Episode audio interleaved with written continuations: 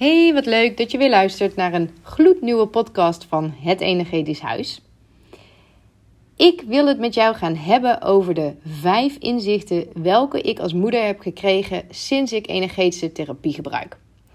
Het is namelijk zo dat uh, ik heel de week al bezig ben met het voorbereiden, het maken, het plannen van alle onderdelen rondom mijn masterclass die ik volgende week maandag ga geven op 14 november en ook nog een keer op maandag 21 november. En de reden dat ik dit masterclass geef is om meer inzicht te geven in energetische therapie en wat dit voor je kan doen in je huidige leven en in de huidige red race die je misschien in meer of mindere mate op dit moment wel ervaart. Want als ik even generaliseer wat er bij mezelf en alle mensen om me heen gebeurt, is dat ik merk dat we met z'n allen steeds bewuster willen gaan leven. Um, sterker nog, ik vraag me eigenlijk af of dat deze behoefte gewekt wordt vanuit pure wilskracht of eigenlijk vanuit pure noodzaak. Want de huidige maatschappij vraagt heel veel van ons. En ik herken dat zelf ook als jonge moeder van een zoon van vijf en een dochtertje van anderhalf. Uh, je wil de best mogelijke moeder zijn. Je wil regelmatig helpen bij school of bij sportactiviteiten. Uh, je hebt nog de ambitie van een carrière vaak als moeder. Um, je hebt ook te maken met een gezin tegenwoordig waar vrijwel de beide ouders uh, werken. En daarin eigenlijk ook maximaal gestretched worden. Hè? Want waar vroeger eigenlijk enkel de man werkte. En misschien dan wel meer dan vijf dagen. Um, nou ja, maak daar bijvoorbeeld zes van. Is het zo dat in uh, de nieuwe maatschappij, waarbij de ouders werken, uh, je opgeteld vaak, um, nou ja, zes, zeven, acht of uh, soms wel negen dagen werkt met z'n tweeën. En die stretch zorgt ervoor dat je emotioneel wat minder flexibel bent. En je dus eigenlijk vaker uit je slof schiet. Uh, vaker een huilbui hebt. Um, en waar je eigenlijk denkt van... Oh, laten we eens even lekker een date night plannen. Um, ben je eigenlijk op dat moment aangekomen... En denk je heel stiekem... Oh, alles wat ik wil is nu onder een dekentje Netflix kijken. En we zitten hier in een restaurant met z'n tweeën... Met wallen tot, tot op onze knieën. Um, nou ja, dat is dan het resultaat wat je krijgt en wat ik zelf ook wel eens uh, heb ondervonden. En wat je dan gaat doen vaak, is dat je logischerwijs uh, bewustere keuzes gaat maken.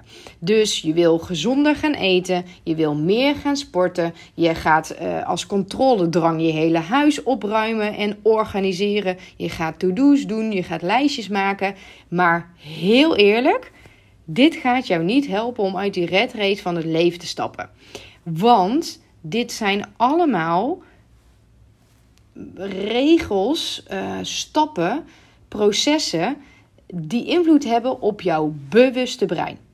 En dan kom ik weer terug op wellicht iets wat ik al eerder heb gezegd: dat maar 5% van jouw handelen, de keuzes die je maakt, de persoon die jij bent, wordt bepaald vanuit jouw bewuste brein. En alle rest uh, ligt in jouw onderbewuste brein opgeslagen. Dus 95% van jouw handelen komt daar vandaan. En dat is ook de plek waar alle oude shit, zal ik maar even zo zeggen. Dus belemmerende overtuigingen, oude patronen overgenomen van vorige generaties of, of hè, van je ouders. Um, maar ook uh, onverwerkte emoties van jezelf liggen.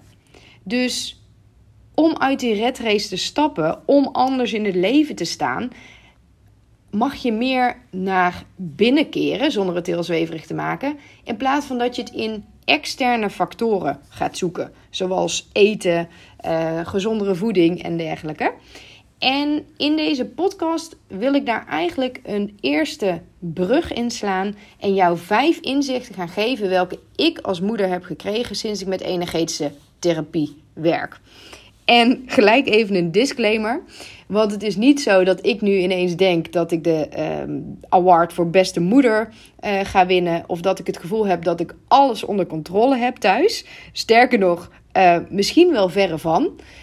Maar het verschil is ik sta wel vele malen steviger. Dus ik ben er meer oké mee. Ik um, accepteer het veel meer. En ik ben veel minder op zoek naar dat perfectionisme of dat. Uh, die controledrang die ik vroeger had. Want in werkelijkheid zit daar natuurlijk een heel andere emotie onder. Um, en ik heb ook nog steeds hè, met, met mijn beste vriendinnen, als ik onzeker ben, als ik even niet weet wat ik moet doen. En ik heb ook nog steeds emoties. Gisteren had ik bijvoorbeeld een opleidingsdag en mijn dochtertje um, van anderhalf was niet fit. En ik had een, nou ja, een volle groep en ik dacht, shit, wat ga ik doen? En ik dacht, nou, volgens mij kan ze wel gewoon naar de crash. Um, ik had ook niet heel veel andere keus. En aan het eind van de dag haalde ik erop en zag ik toch wel echt zo'n beteuterd gezichtje, wat eigenlijk toch wel zieker was dan ik dacht. En tuurlijk voel ik me dan een slechte moeder. Maar ik kan nu wel iets met die emoties en ik kan daar wel mee aan de slag. Dus ik heb een soort van machtig, krachtig instrument. Ik weet hoe het werkt in mijn hoofd en ik krijg het eigenlijk weer sneller gefixt en opgelost. Dus het is niet zo dat er een quick fix is waarin jij nou niet meer voelt of geen emoties meer hebt als moeder. Um, maar wel manieren waarop je steviger staat en nou ja, het meer kan omarmen. En ik ga je dus meenemen in de vijf inzichten welke ik hierin heb verkregen. En wellicht heb jij er ook wat aan. Even een slokje thee. Allereerst nummer 1. Eh, en dat is jezelf op nummer 1 zetten als moeder. Of sterker nog, als ouder natuurlijk. En de grap is, ik, heb dit, ik zeg dit wel eens vaker en ik merk toch dat sommige mensen dan denken: Oh, dat kan toch niet? Dat is toch niet goed? Het is toch logisch dat je als moeder je kinderen op één zet, misschien wel je partner op twee, dan volgen misschien nog een rit familieleden of vriendinnen en dan kom jij ergens onderaan. Maar het omgekeerde is natuurlijk waar. Um, en het suffe voorbeeld wat ik dan ook wel vaak benoem in het vliegtuig, moet je ook eerst je eigen zuurstofmasker opzetten, uh, mocht het misgaan, en dan pas uh, je kinderen helpen. Want op een moment dat jij niet lekker in je vel zit, jij niet lekker in je energie zit, dan werkt dat door op het hele gezin. Als moeder, um, nou ja, en als vader ook wel, maar, maar ik denk toch wel vooral als moeder, ben jij de drijfveer van het gezin.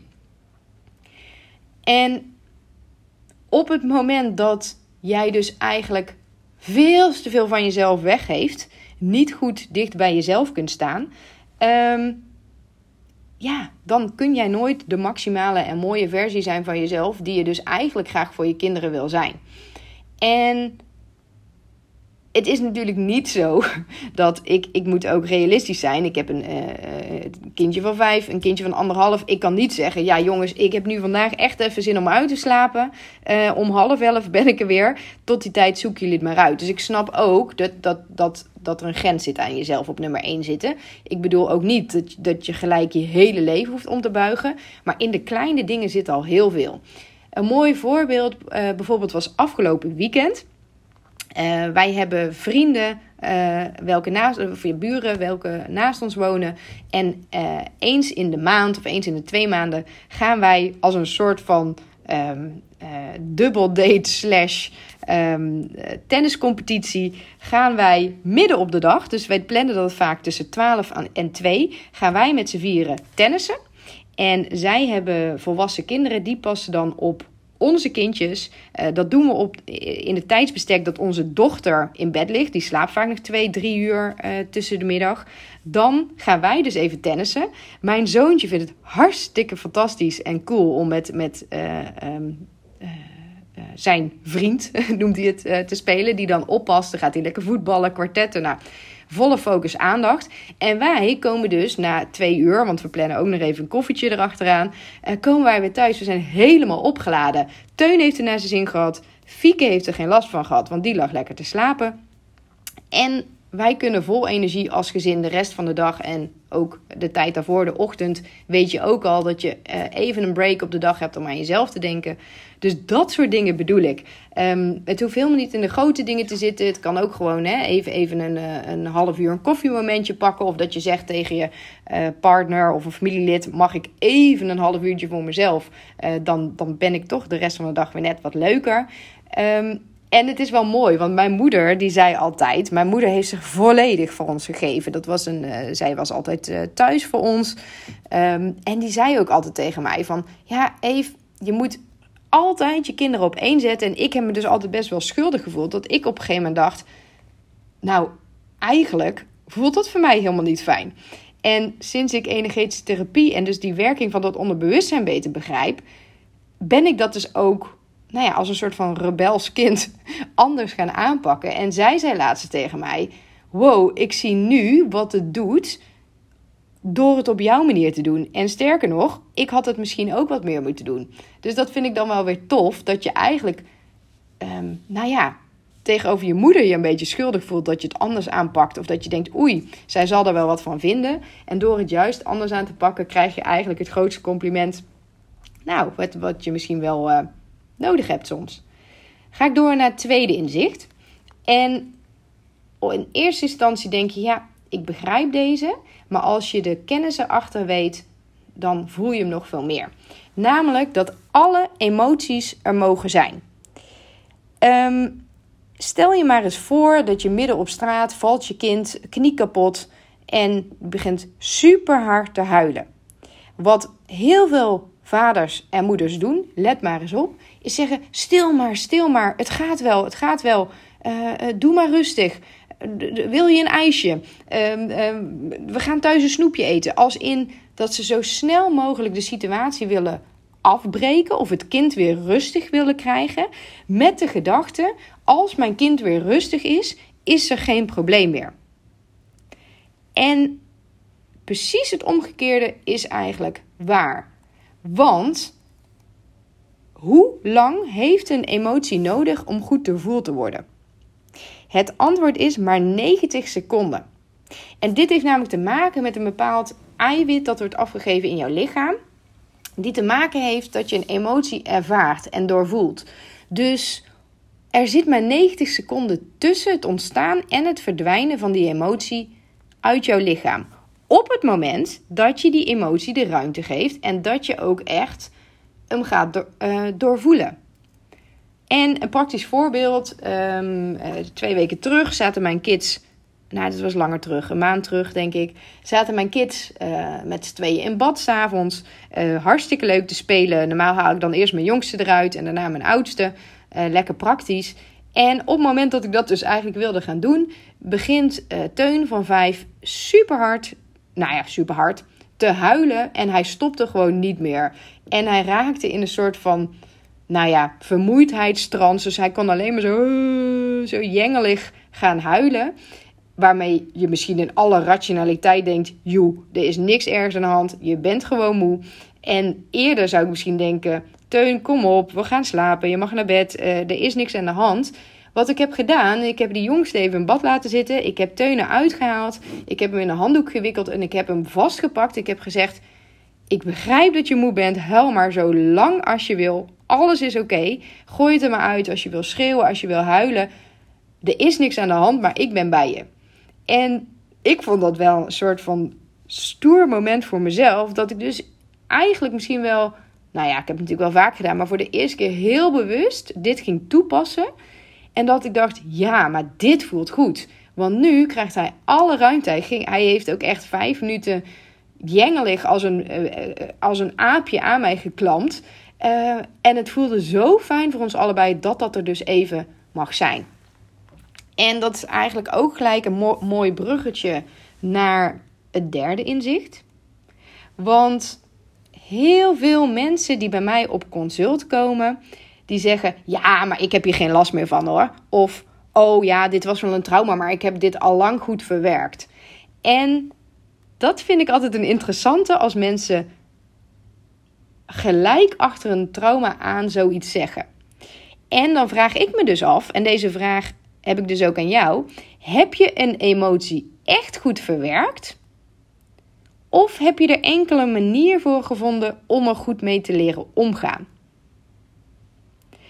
Want op het moment dat jij een emotie goed doorvoeld hebt, goed verwerkt hebt, echt een plekje kunnen geven, alle facetten hebt aangekeken, komt het vaak ook niet meer zo op in een gesprek.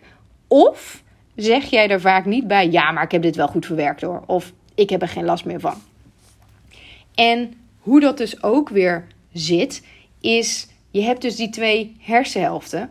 Je hebt je rechterzelf, wat staat voor voelen. Je hebt je linkerzelf, wat staat voor verwerken. Ehm, en, of verwerken, begrijpen. En op het moment dat je dus met je rechterzelf ziet voelt wat je met je linker niet kunt begrijpen en dus verwerken, zet het zich vast in jouw systeem. Onderhuids. Dus, dus dat gaat sudderen.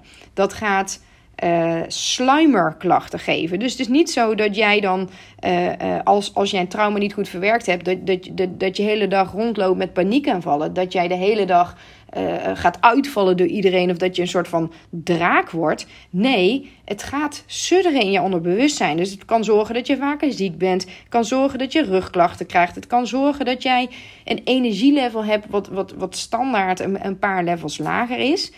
Um, Waardoor jij helemaal niet direct die link legt tussen een onverwerkte emotie of een onverwerkt trauma wat aandacht nodig heeft en de klachten die jij voelt. Dus dan denk je, joh, ik neem gewoon even een uh, paracetamol tegen die hoofdpijn die ik nu toch al best wel vaak heb. Um, en dat is ook de symptoombestrijding die wij van vroeger uit kennen. Maar weet dat als er klachten sluimeren dat dat dus eigenlijk een schreeuw is vanuit jouw onderbewustzijn. En als jij daar niet naar luistert of geen gehoor aan geeft, dat die klachten nog wel eens erger kunnen gaan worden. Om eigenlijk ja, jou meer signalen te geven van joehoe, daar zit wat. En het is eigenlijk zonde om pas, nou ja, daar iets aan te doen op het moment dat je er eigenlijk bijna niet meer omheen kan. Want heel eerlijk, heel veel mensen die een burn-out hebben uh, of hebben gehad, die zeggen: ja, eigenlijk, terugkijkend, had ik natuurlijk al heel veel meer signalen gehad waar ik toen geen gehoor aan heb gegeven. Dus dat is mooi om over na te denken. Um, gaan we door naar de vierde, naar het vierde inzicht. En dit is een hele simpele, maar wel heel fijn om toe te passen. Want het brengt ook echt rust binnen je gezin. En het keert je meer naar binnen toe en het maakt dat je dichter bij je gevoel gaat staan. Namelijk, ben consequent naar je kinderen. En daarmee bedoel ik niet dat jij geen mens mag zijn en dat jij geen emoties mag hebben en dat je niet per ongeluk een keer kan uitflippen uh, tijdens het eten of als ze naar bed moeten. Maar dan bedoel ik uh, vooral, ben consequent in de regels en de stellingen die je neemt, onafhankelijk of een kind Ehm, bij jou is, of dat jij zonder externe mensen bent, of dat er ook andere mensen bij zijn. Want wat ik heel vaak merk en waar ik zelf ook echt, uh, nou, voorop in liep, is dat ik dan thuis echt best wel relaxed eh, was en dat best wel veel kon bij mij en dat ik heb bijvoorbeeld eigenlijk de regel uh, dat, dat ik niet tussentijds de hele tijd het huis ga opruimen met al het speelgoed wat er ligt, want dan kun je bezig blijven. Ehm, en ik heb bijvoorbeeld een vriendin, ja, ik ben er ook best wel jaloers op, die heeft haar huis altijd op orde. En als, ik merkte dan dat als zij kwam, en de grap is, zij is een van mijn beste vriendinnen, dus, dus het hoeft helemaal niet. Maar dan ging ik dus mijn huis ook goed opruimen. en dan uh, ging ik dus ook uh, uh, eigenlijk een beetje, um, nou, bitchen tegen mijn kinderen, omdat ik eigenlijk ruimte nodig had om dat huis op te ruimen. Waardoor ik geen leukere moeder werd. Maar ook vaak als ik op een feestje was, dat ik dan ineens een soort van een hele strenge moeder wilde gaan zijn. Van nee, uh, Teun, niet hard schreeuwen of niet, niet zo doen. Of, of uh, ook wel speelgoed delen. Terwijl ik dacht, joh, er is helemaal niks aan de hand. Wat ben je nou werkelijk aan het doen? Ben je nou echt die strenge moeder omdat je die strenge moeder wil zijn voor je kinderen? Of wil jij een soort van leuk gevonden worden en laten zien hoe goed de moeder jij bent tegenover iemand anders? Want dat zijn vaak de momenten waarop jouw kinderen in de flip raken, omdat ze denken: huh, maar ik begrijp het niet. Want thuis mag ik wel dit en dit en dat. En nu moet ik ineens uh, in een militair regime. Ik, ik begrijp dit gedrag van mijn ouders niet. Um, en dan krijg je dus gekke situaties waarin je eigenlijk het tegenovergestelde bereikt als wat je eigenlijk wil. En dan uh, het laatste inzicht. En hierin verschillen de meningen nog wel eens enorm. Maar nou ja, ik sta heel erg achter mijn mening, dus doe ermee wat je wil. Ben puur over je emoties naar je kinderen toe. Dus er zijn heel veel gezinnen waar de ouders denken: ik huil niet waar mijn kinderen bij zijn. Ik ben niet verdrietig waar mijn kinderen bij zijn. Ik zet, nou ja, dat doen ze niet bewust, hè, maar ik zet dus even dat masker op of dat, dat vrolijke masker naar mijn kinderen toe. En die verdriet of die pijn of die rouw, die voel ik later wel. Maar onderbewust voelen en spiegelen jouw kinderen je natuurlijk veel meer ehm, dan wat jij denkt. En jij bent dus een voorbeeld en de spiegel van jouw kinderen. Dus op een moment dat jij doet voorkomen alsof verdriet, boosheid, rouw er niet mogen zijn, gaan zij in dat gedrag mee. En gaan zij dus leren: oh, ik mag ook niet mijn emoties laten zien. Ik mag ook niet um, onzeker zijn. Ik mag ook niet bedroefd zijn. En dan gaan ze eigenlijk een soort, nou, mini-mama of mini-papa worden. En juist door, en volgens mij wil je dat niet, maar juist door het goede voorbeeld te geven, door bijvoorbeeld te zeggen: hey, sorry, ik, ik, ik viel net echt heel erg uit en dat had ik niet moeten doen, maar ik ben gewoon even moe. Of um, mama is nu heel verdrietig, dat ligt niet aan jullie, dat komt door dit en dit en dit en dat. Of liever, hè, voordat je uitflipt, al zeggen: Ik ben nu even heel erg moe. Ik ga heel eventjes zelf de keuken opruimen. Gaan jullie even spelen. Dan pak ik het zo weer met jullie op en dan gaan we een mooie toren bouwen of iets ehm, in die richting. Want een kind leert niet van wat jij zegt, maar van wat jij bent. En dat is wel een hele mooie om te onthouden. En dat maakt ook dat ik nu dus eigenlijk vol vertrouwen deze podcast kan opnemen. Want het is dus niet dat ik de perfecte moeder ben. Het is niet dat ik het allemaal weet. Maar wat ik wel veel meer voel, ehm, is dat ik puur ben en dicht bij mezelf ben op dit moment. En dat klinkt zweverig, maar ik denk naar alles wat, wat ik hier aan inzichten heb gedeeld. Dat is wat ik bedoel. Dat ik ben niet meer die moeder die voor een ander zich gaat aanpassen aan hoe ik mijn kinderen opvoed of welke regels ik stel. Eh, en dat ik veel dichter bij mezelf blijf en ook accepteer dat ik nooit de perfecte moeder ga worden. En dat brengt mij dus veel dichter bij mezelf en het brengt mijn gezin ook heel erg veel. Dus door oké te zijn dat je niet altijd in balans bent, dat je ook oké bent dat je huis een keer een, eh, een, een rotzooi is, dat, nou ja, voelt soms best wel sterk. En mocht je nou denken, want ik ben door de vijf punten heen, als je goed hebt meegeteld en meegeluisterd.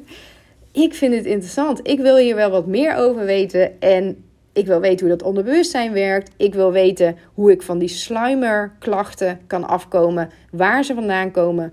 Ehm, dan is mijn masterclass van aanstaande maandag 14 november om 10 uur interessant. Of een week later op 21 november om 12 uur, dus tijdens de lunchbreak, geef ik hem nog een keer. Het is een uur. Um, het masterclass heet hoe je blijvend van je fysieke en mentale klachten afkomt door jouw emotionele blokkades op te ruimen. Dus die rugpijn, eczeem, uh, migraineaanvallen, uh, plotseling verdriet, uh, emotie van je denkt, huh, dit past helemaal niet bij de situatie. Ik ga jou in deze masterclass namelijk onder andere leren wat het verschil is tussen jouw bewustzijn en onderbewustzijn. Nou, die heb ik voor een deel natuurlijk al in deze podcast ook um, besproken. Maar ook hoe je daar contact mee kunt maken. En hoe jij dus ook invloed kunt uitoefenen op dat onderbewustzijn. Want nu denk je waarschijnlijk, ja, ik snap dit wel, maar hoe pas ik hem dan ook toe? Nou, daar krijg jij um, handvatten voor in deze masterclass. Maar ook hoe zet een emotie zich vast in jouw systeem als trauma? Um, hoe je een onverwerkte emotie herkent. Maar ook wat de reden is waarom een oud trauma geactiveerd wordt. Waarom blijft het niet lekker zitten?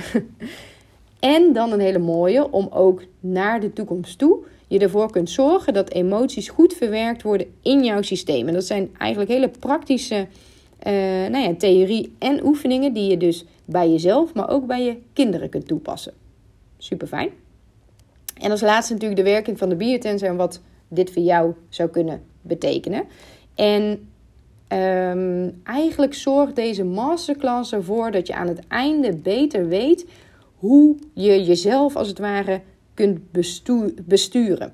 Zodat je meer kunt genieten van het leven, van de kleine dingen, dat het allemaal wat moeitelozer gaat. Dus ik zou het super leuk vinden als je daarbij bent. Ik zal even ehm, in de show notes, heet het volgens mij, ook de link delen naar de masterclass. Uh, waar je je kunt aanmelden. Uh, je kunt ook even naar mijn Instagram kanaal Energetisch Huis gaan. Dan zie je in de uh, bio ook de link staan. En dan zie ik jou heel graag binnenkort.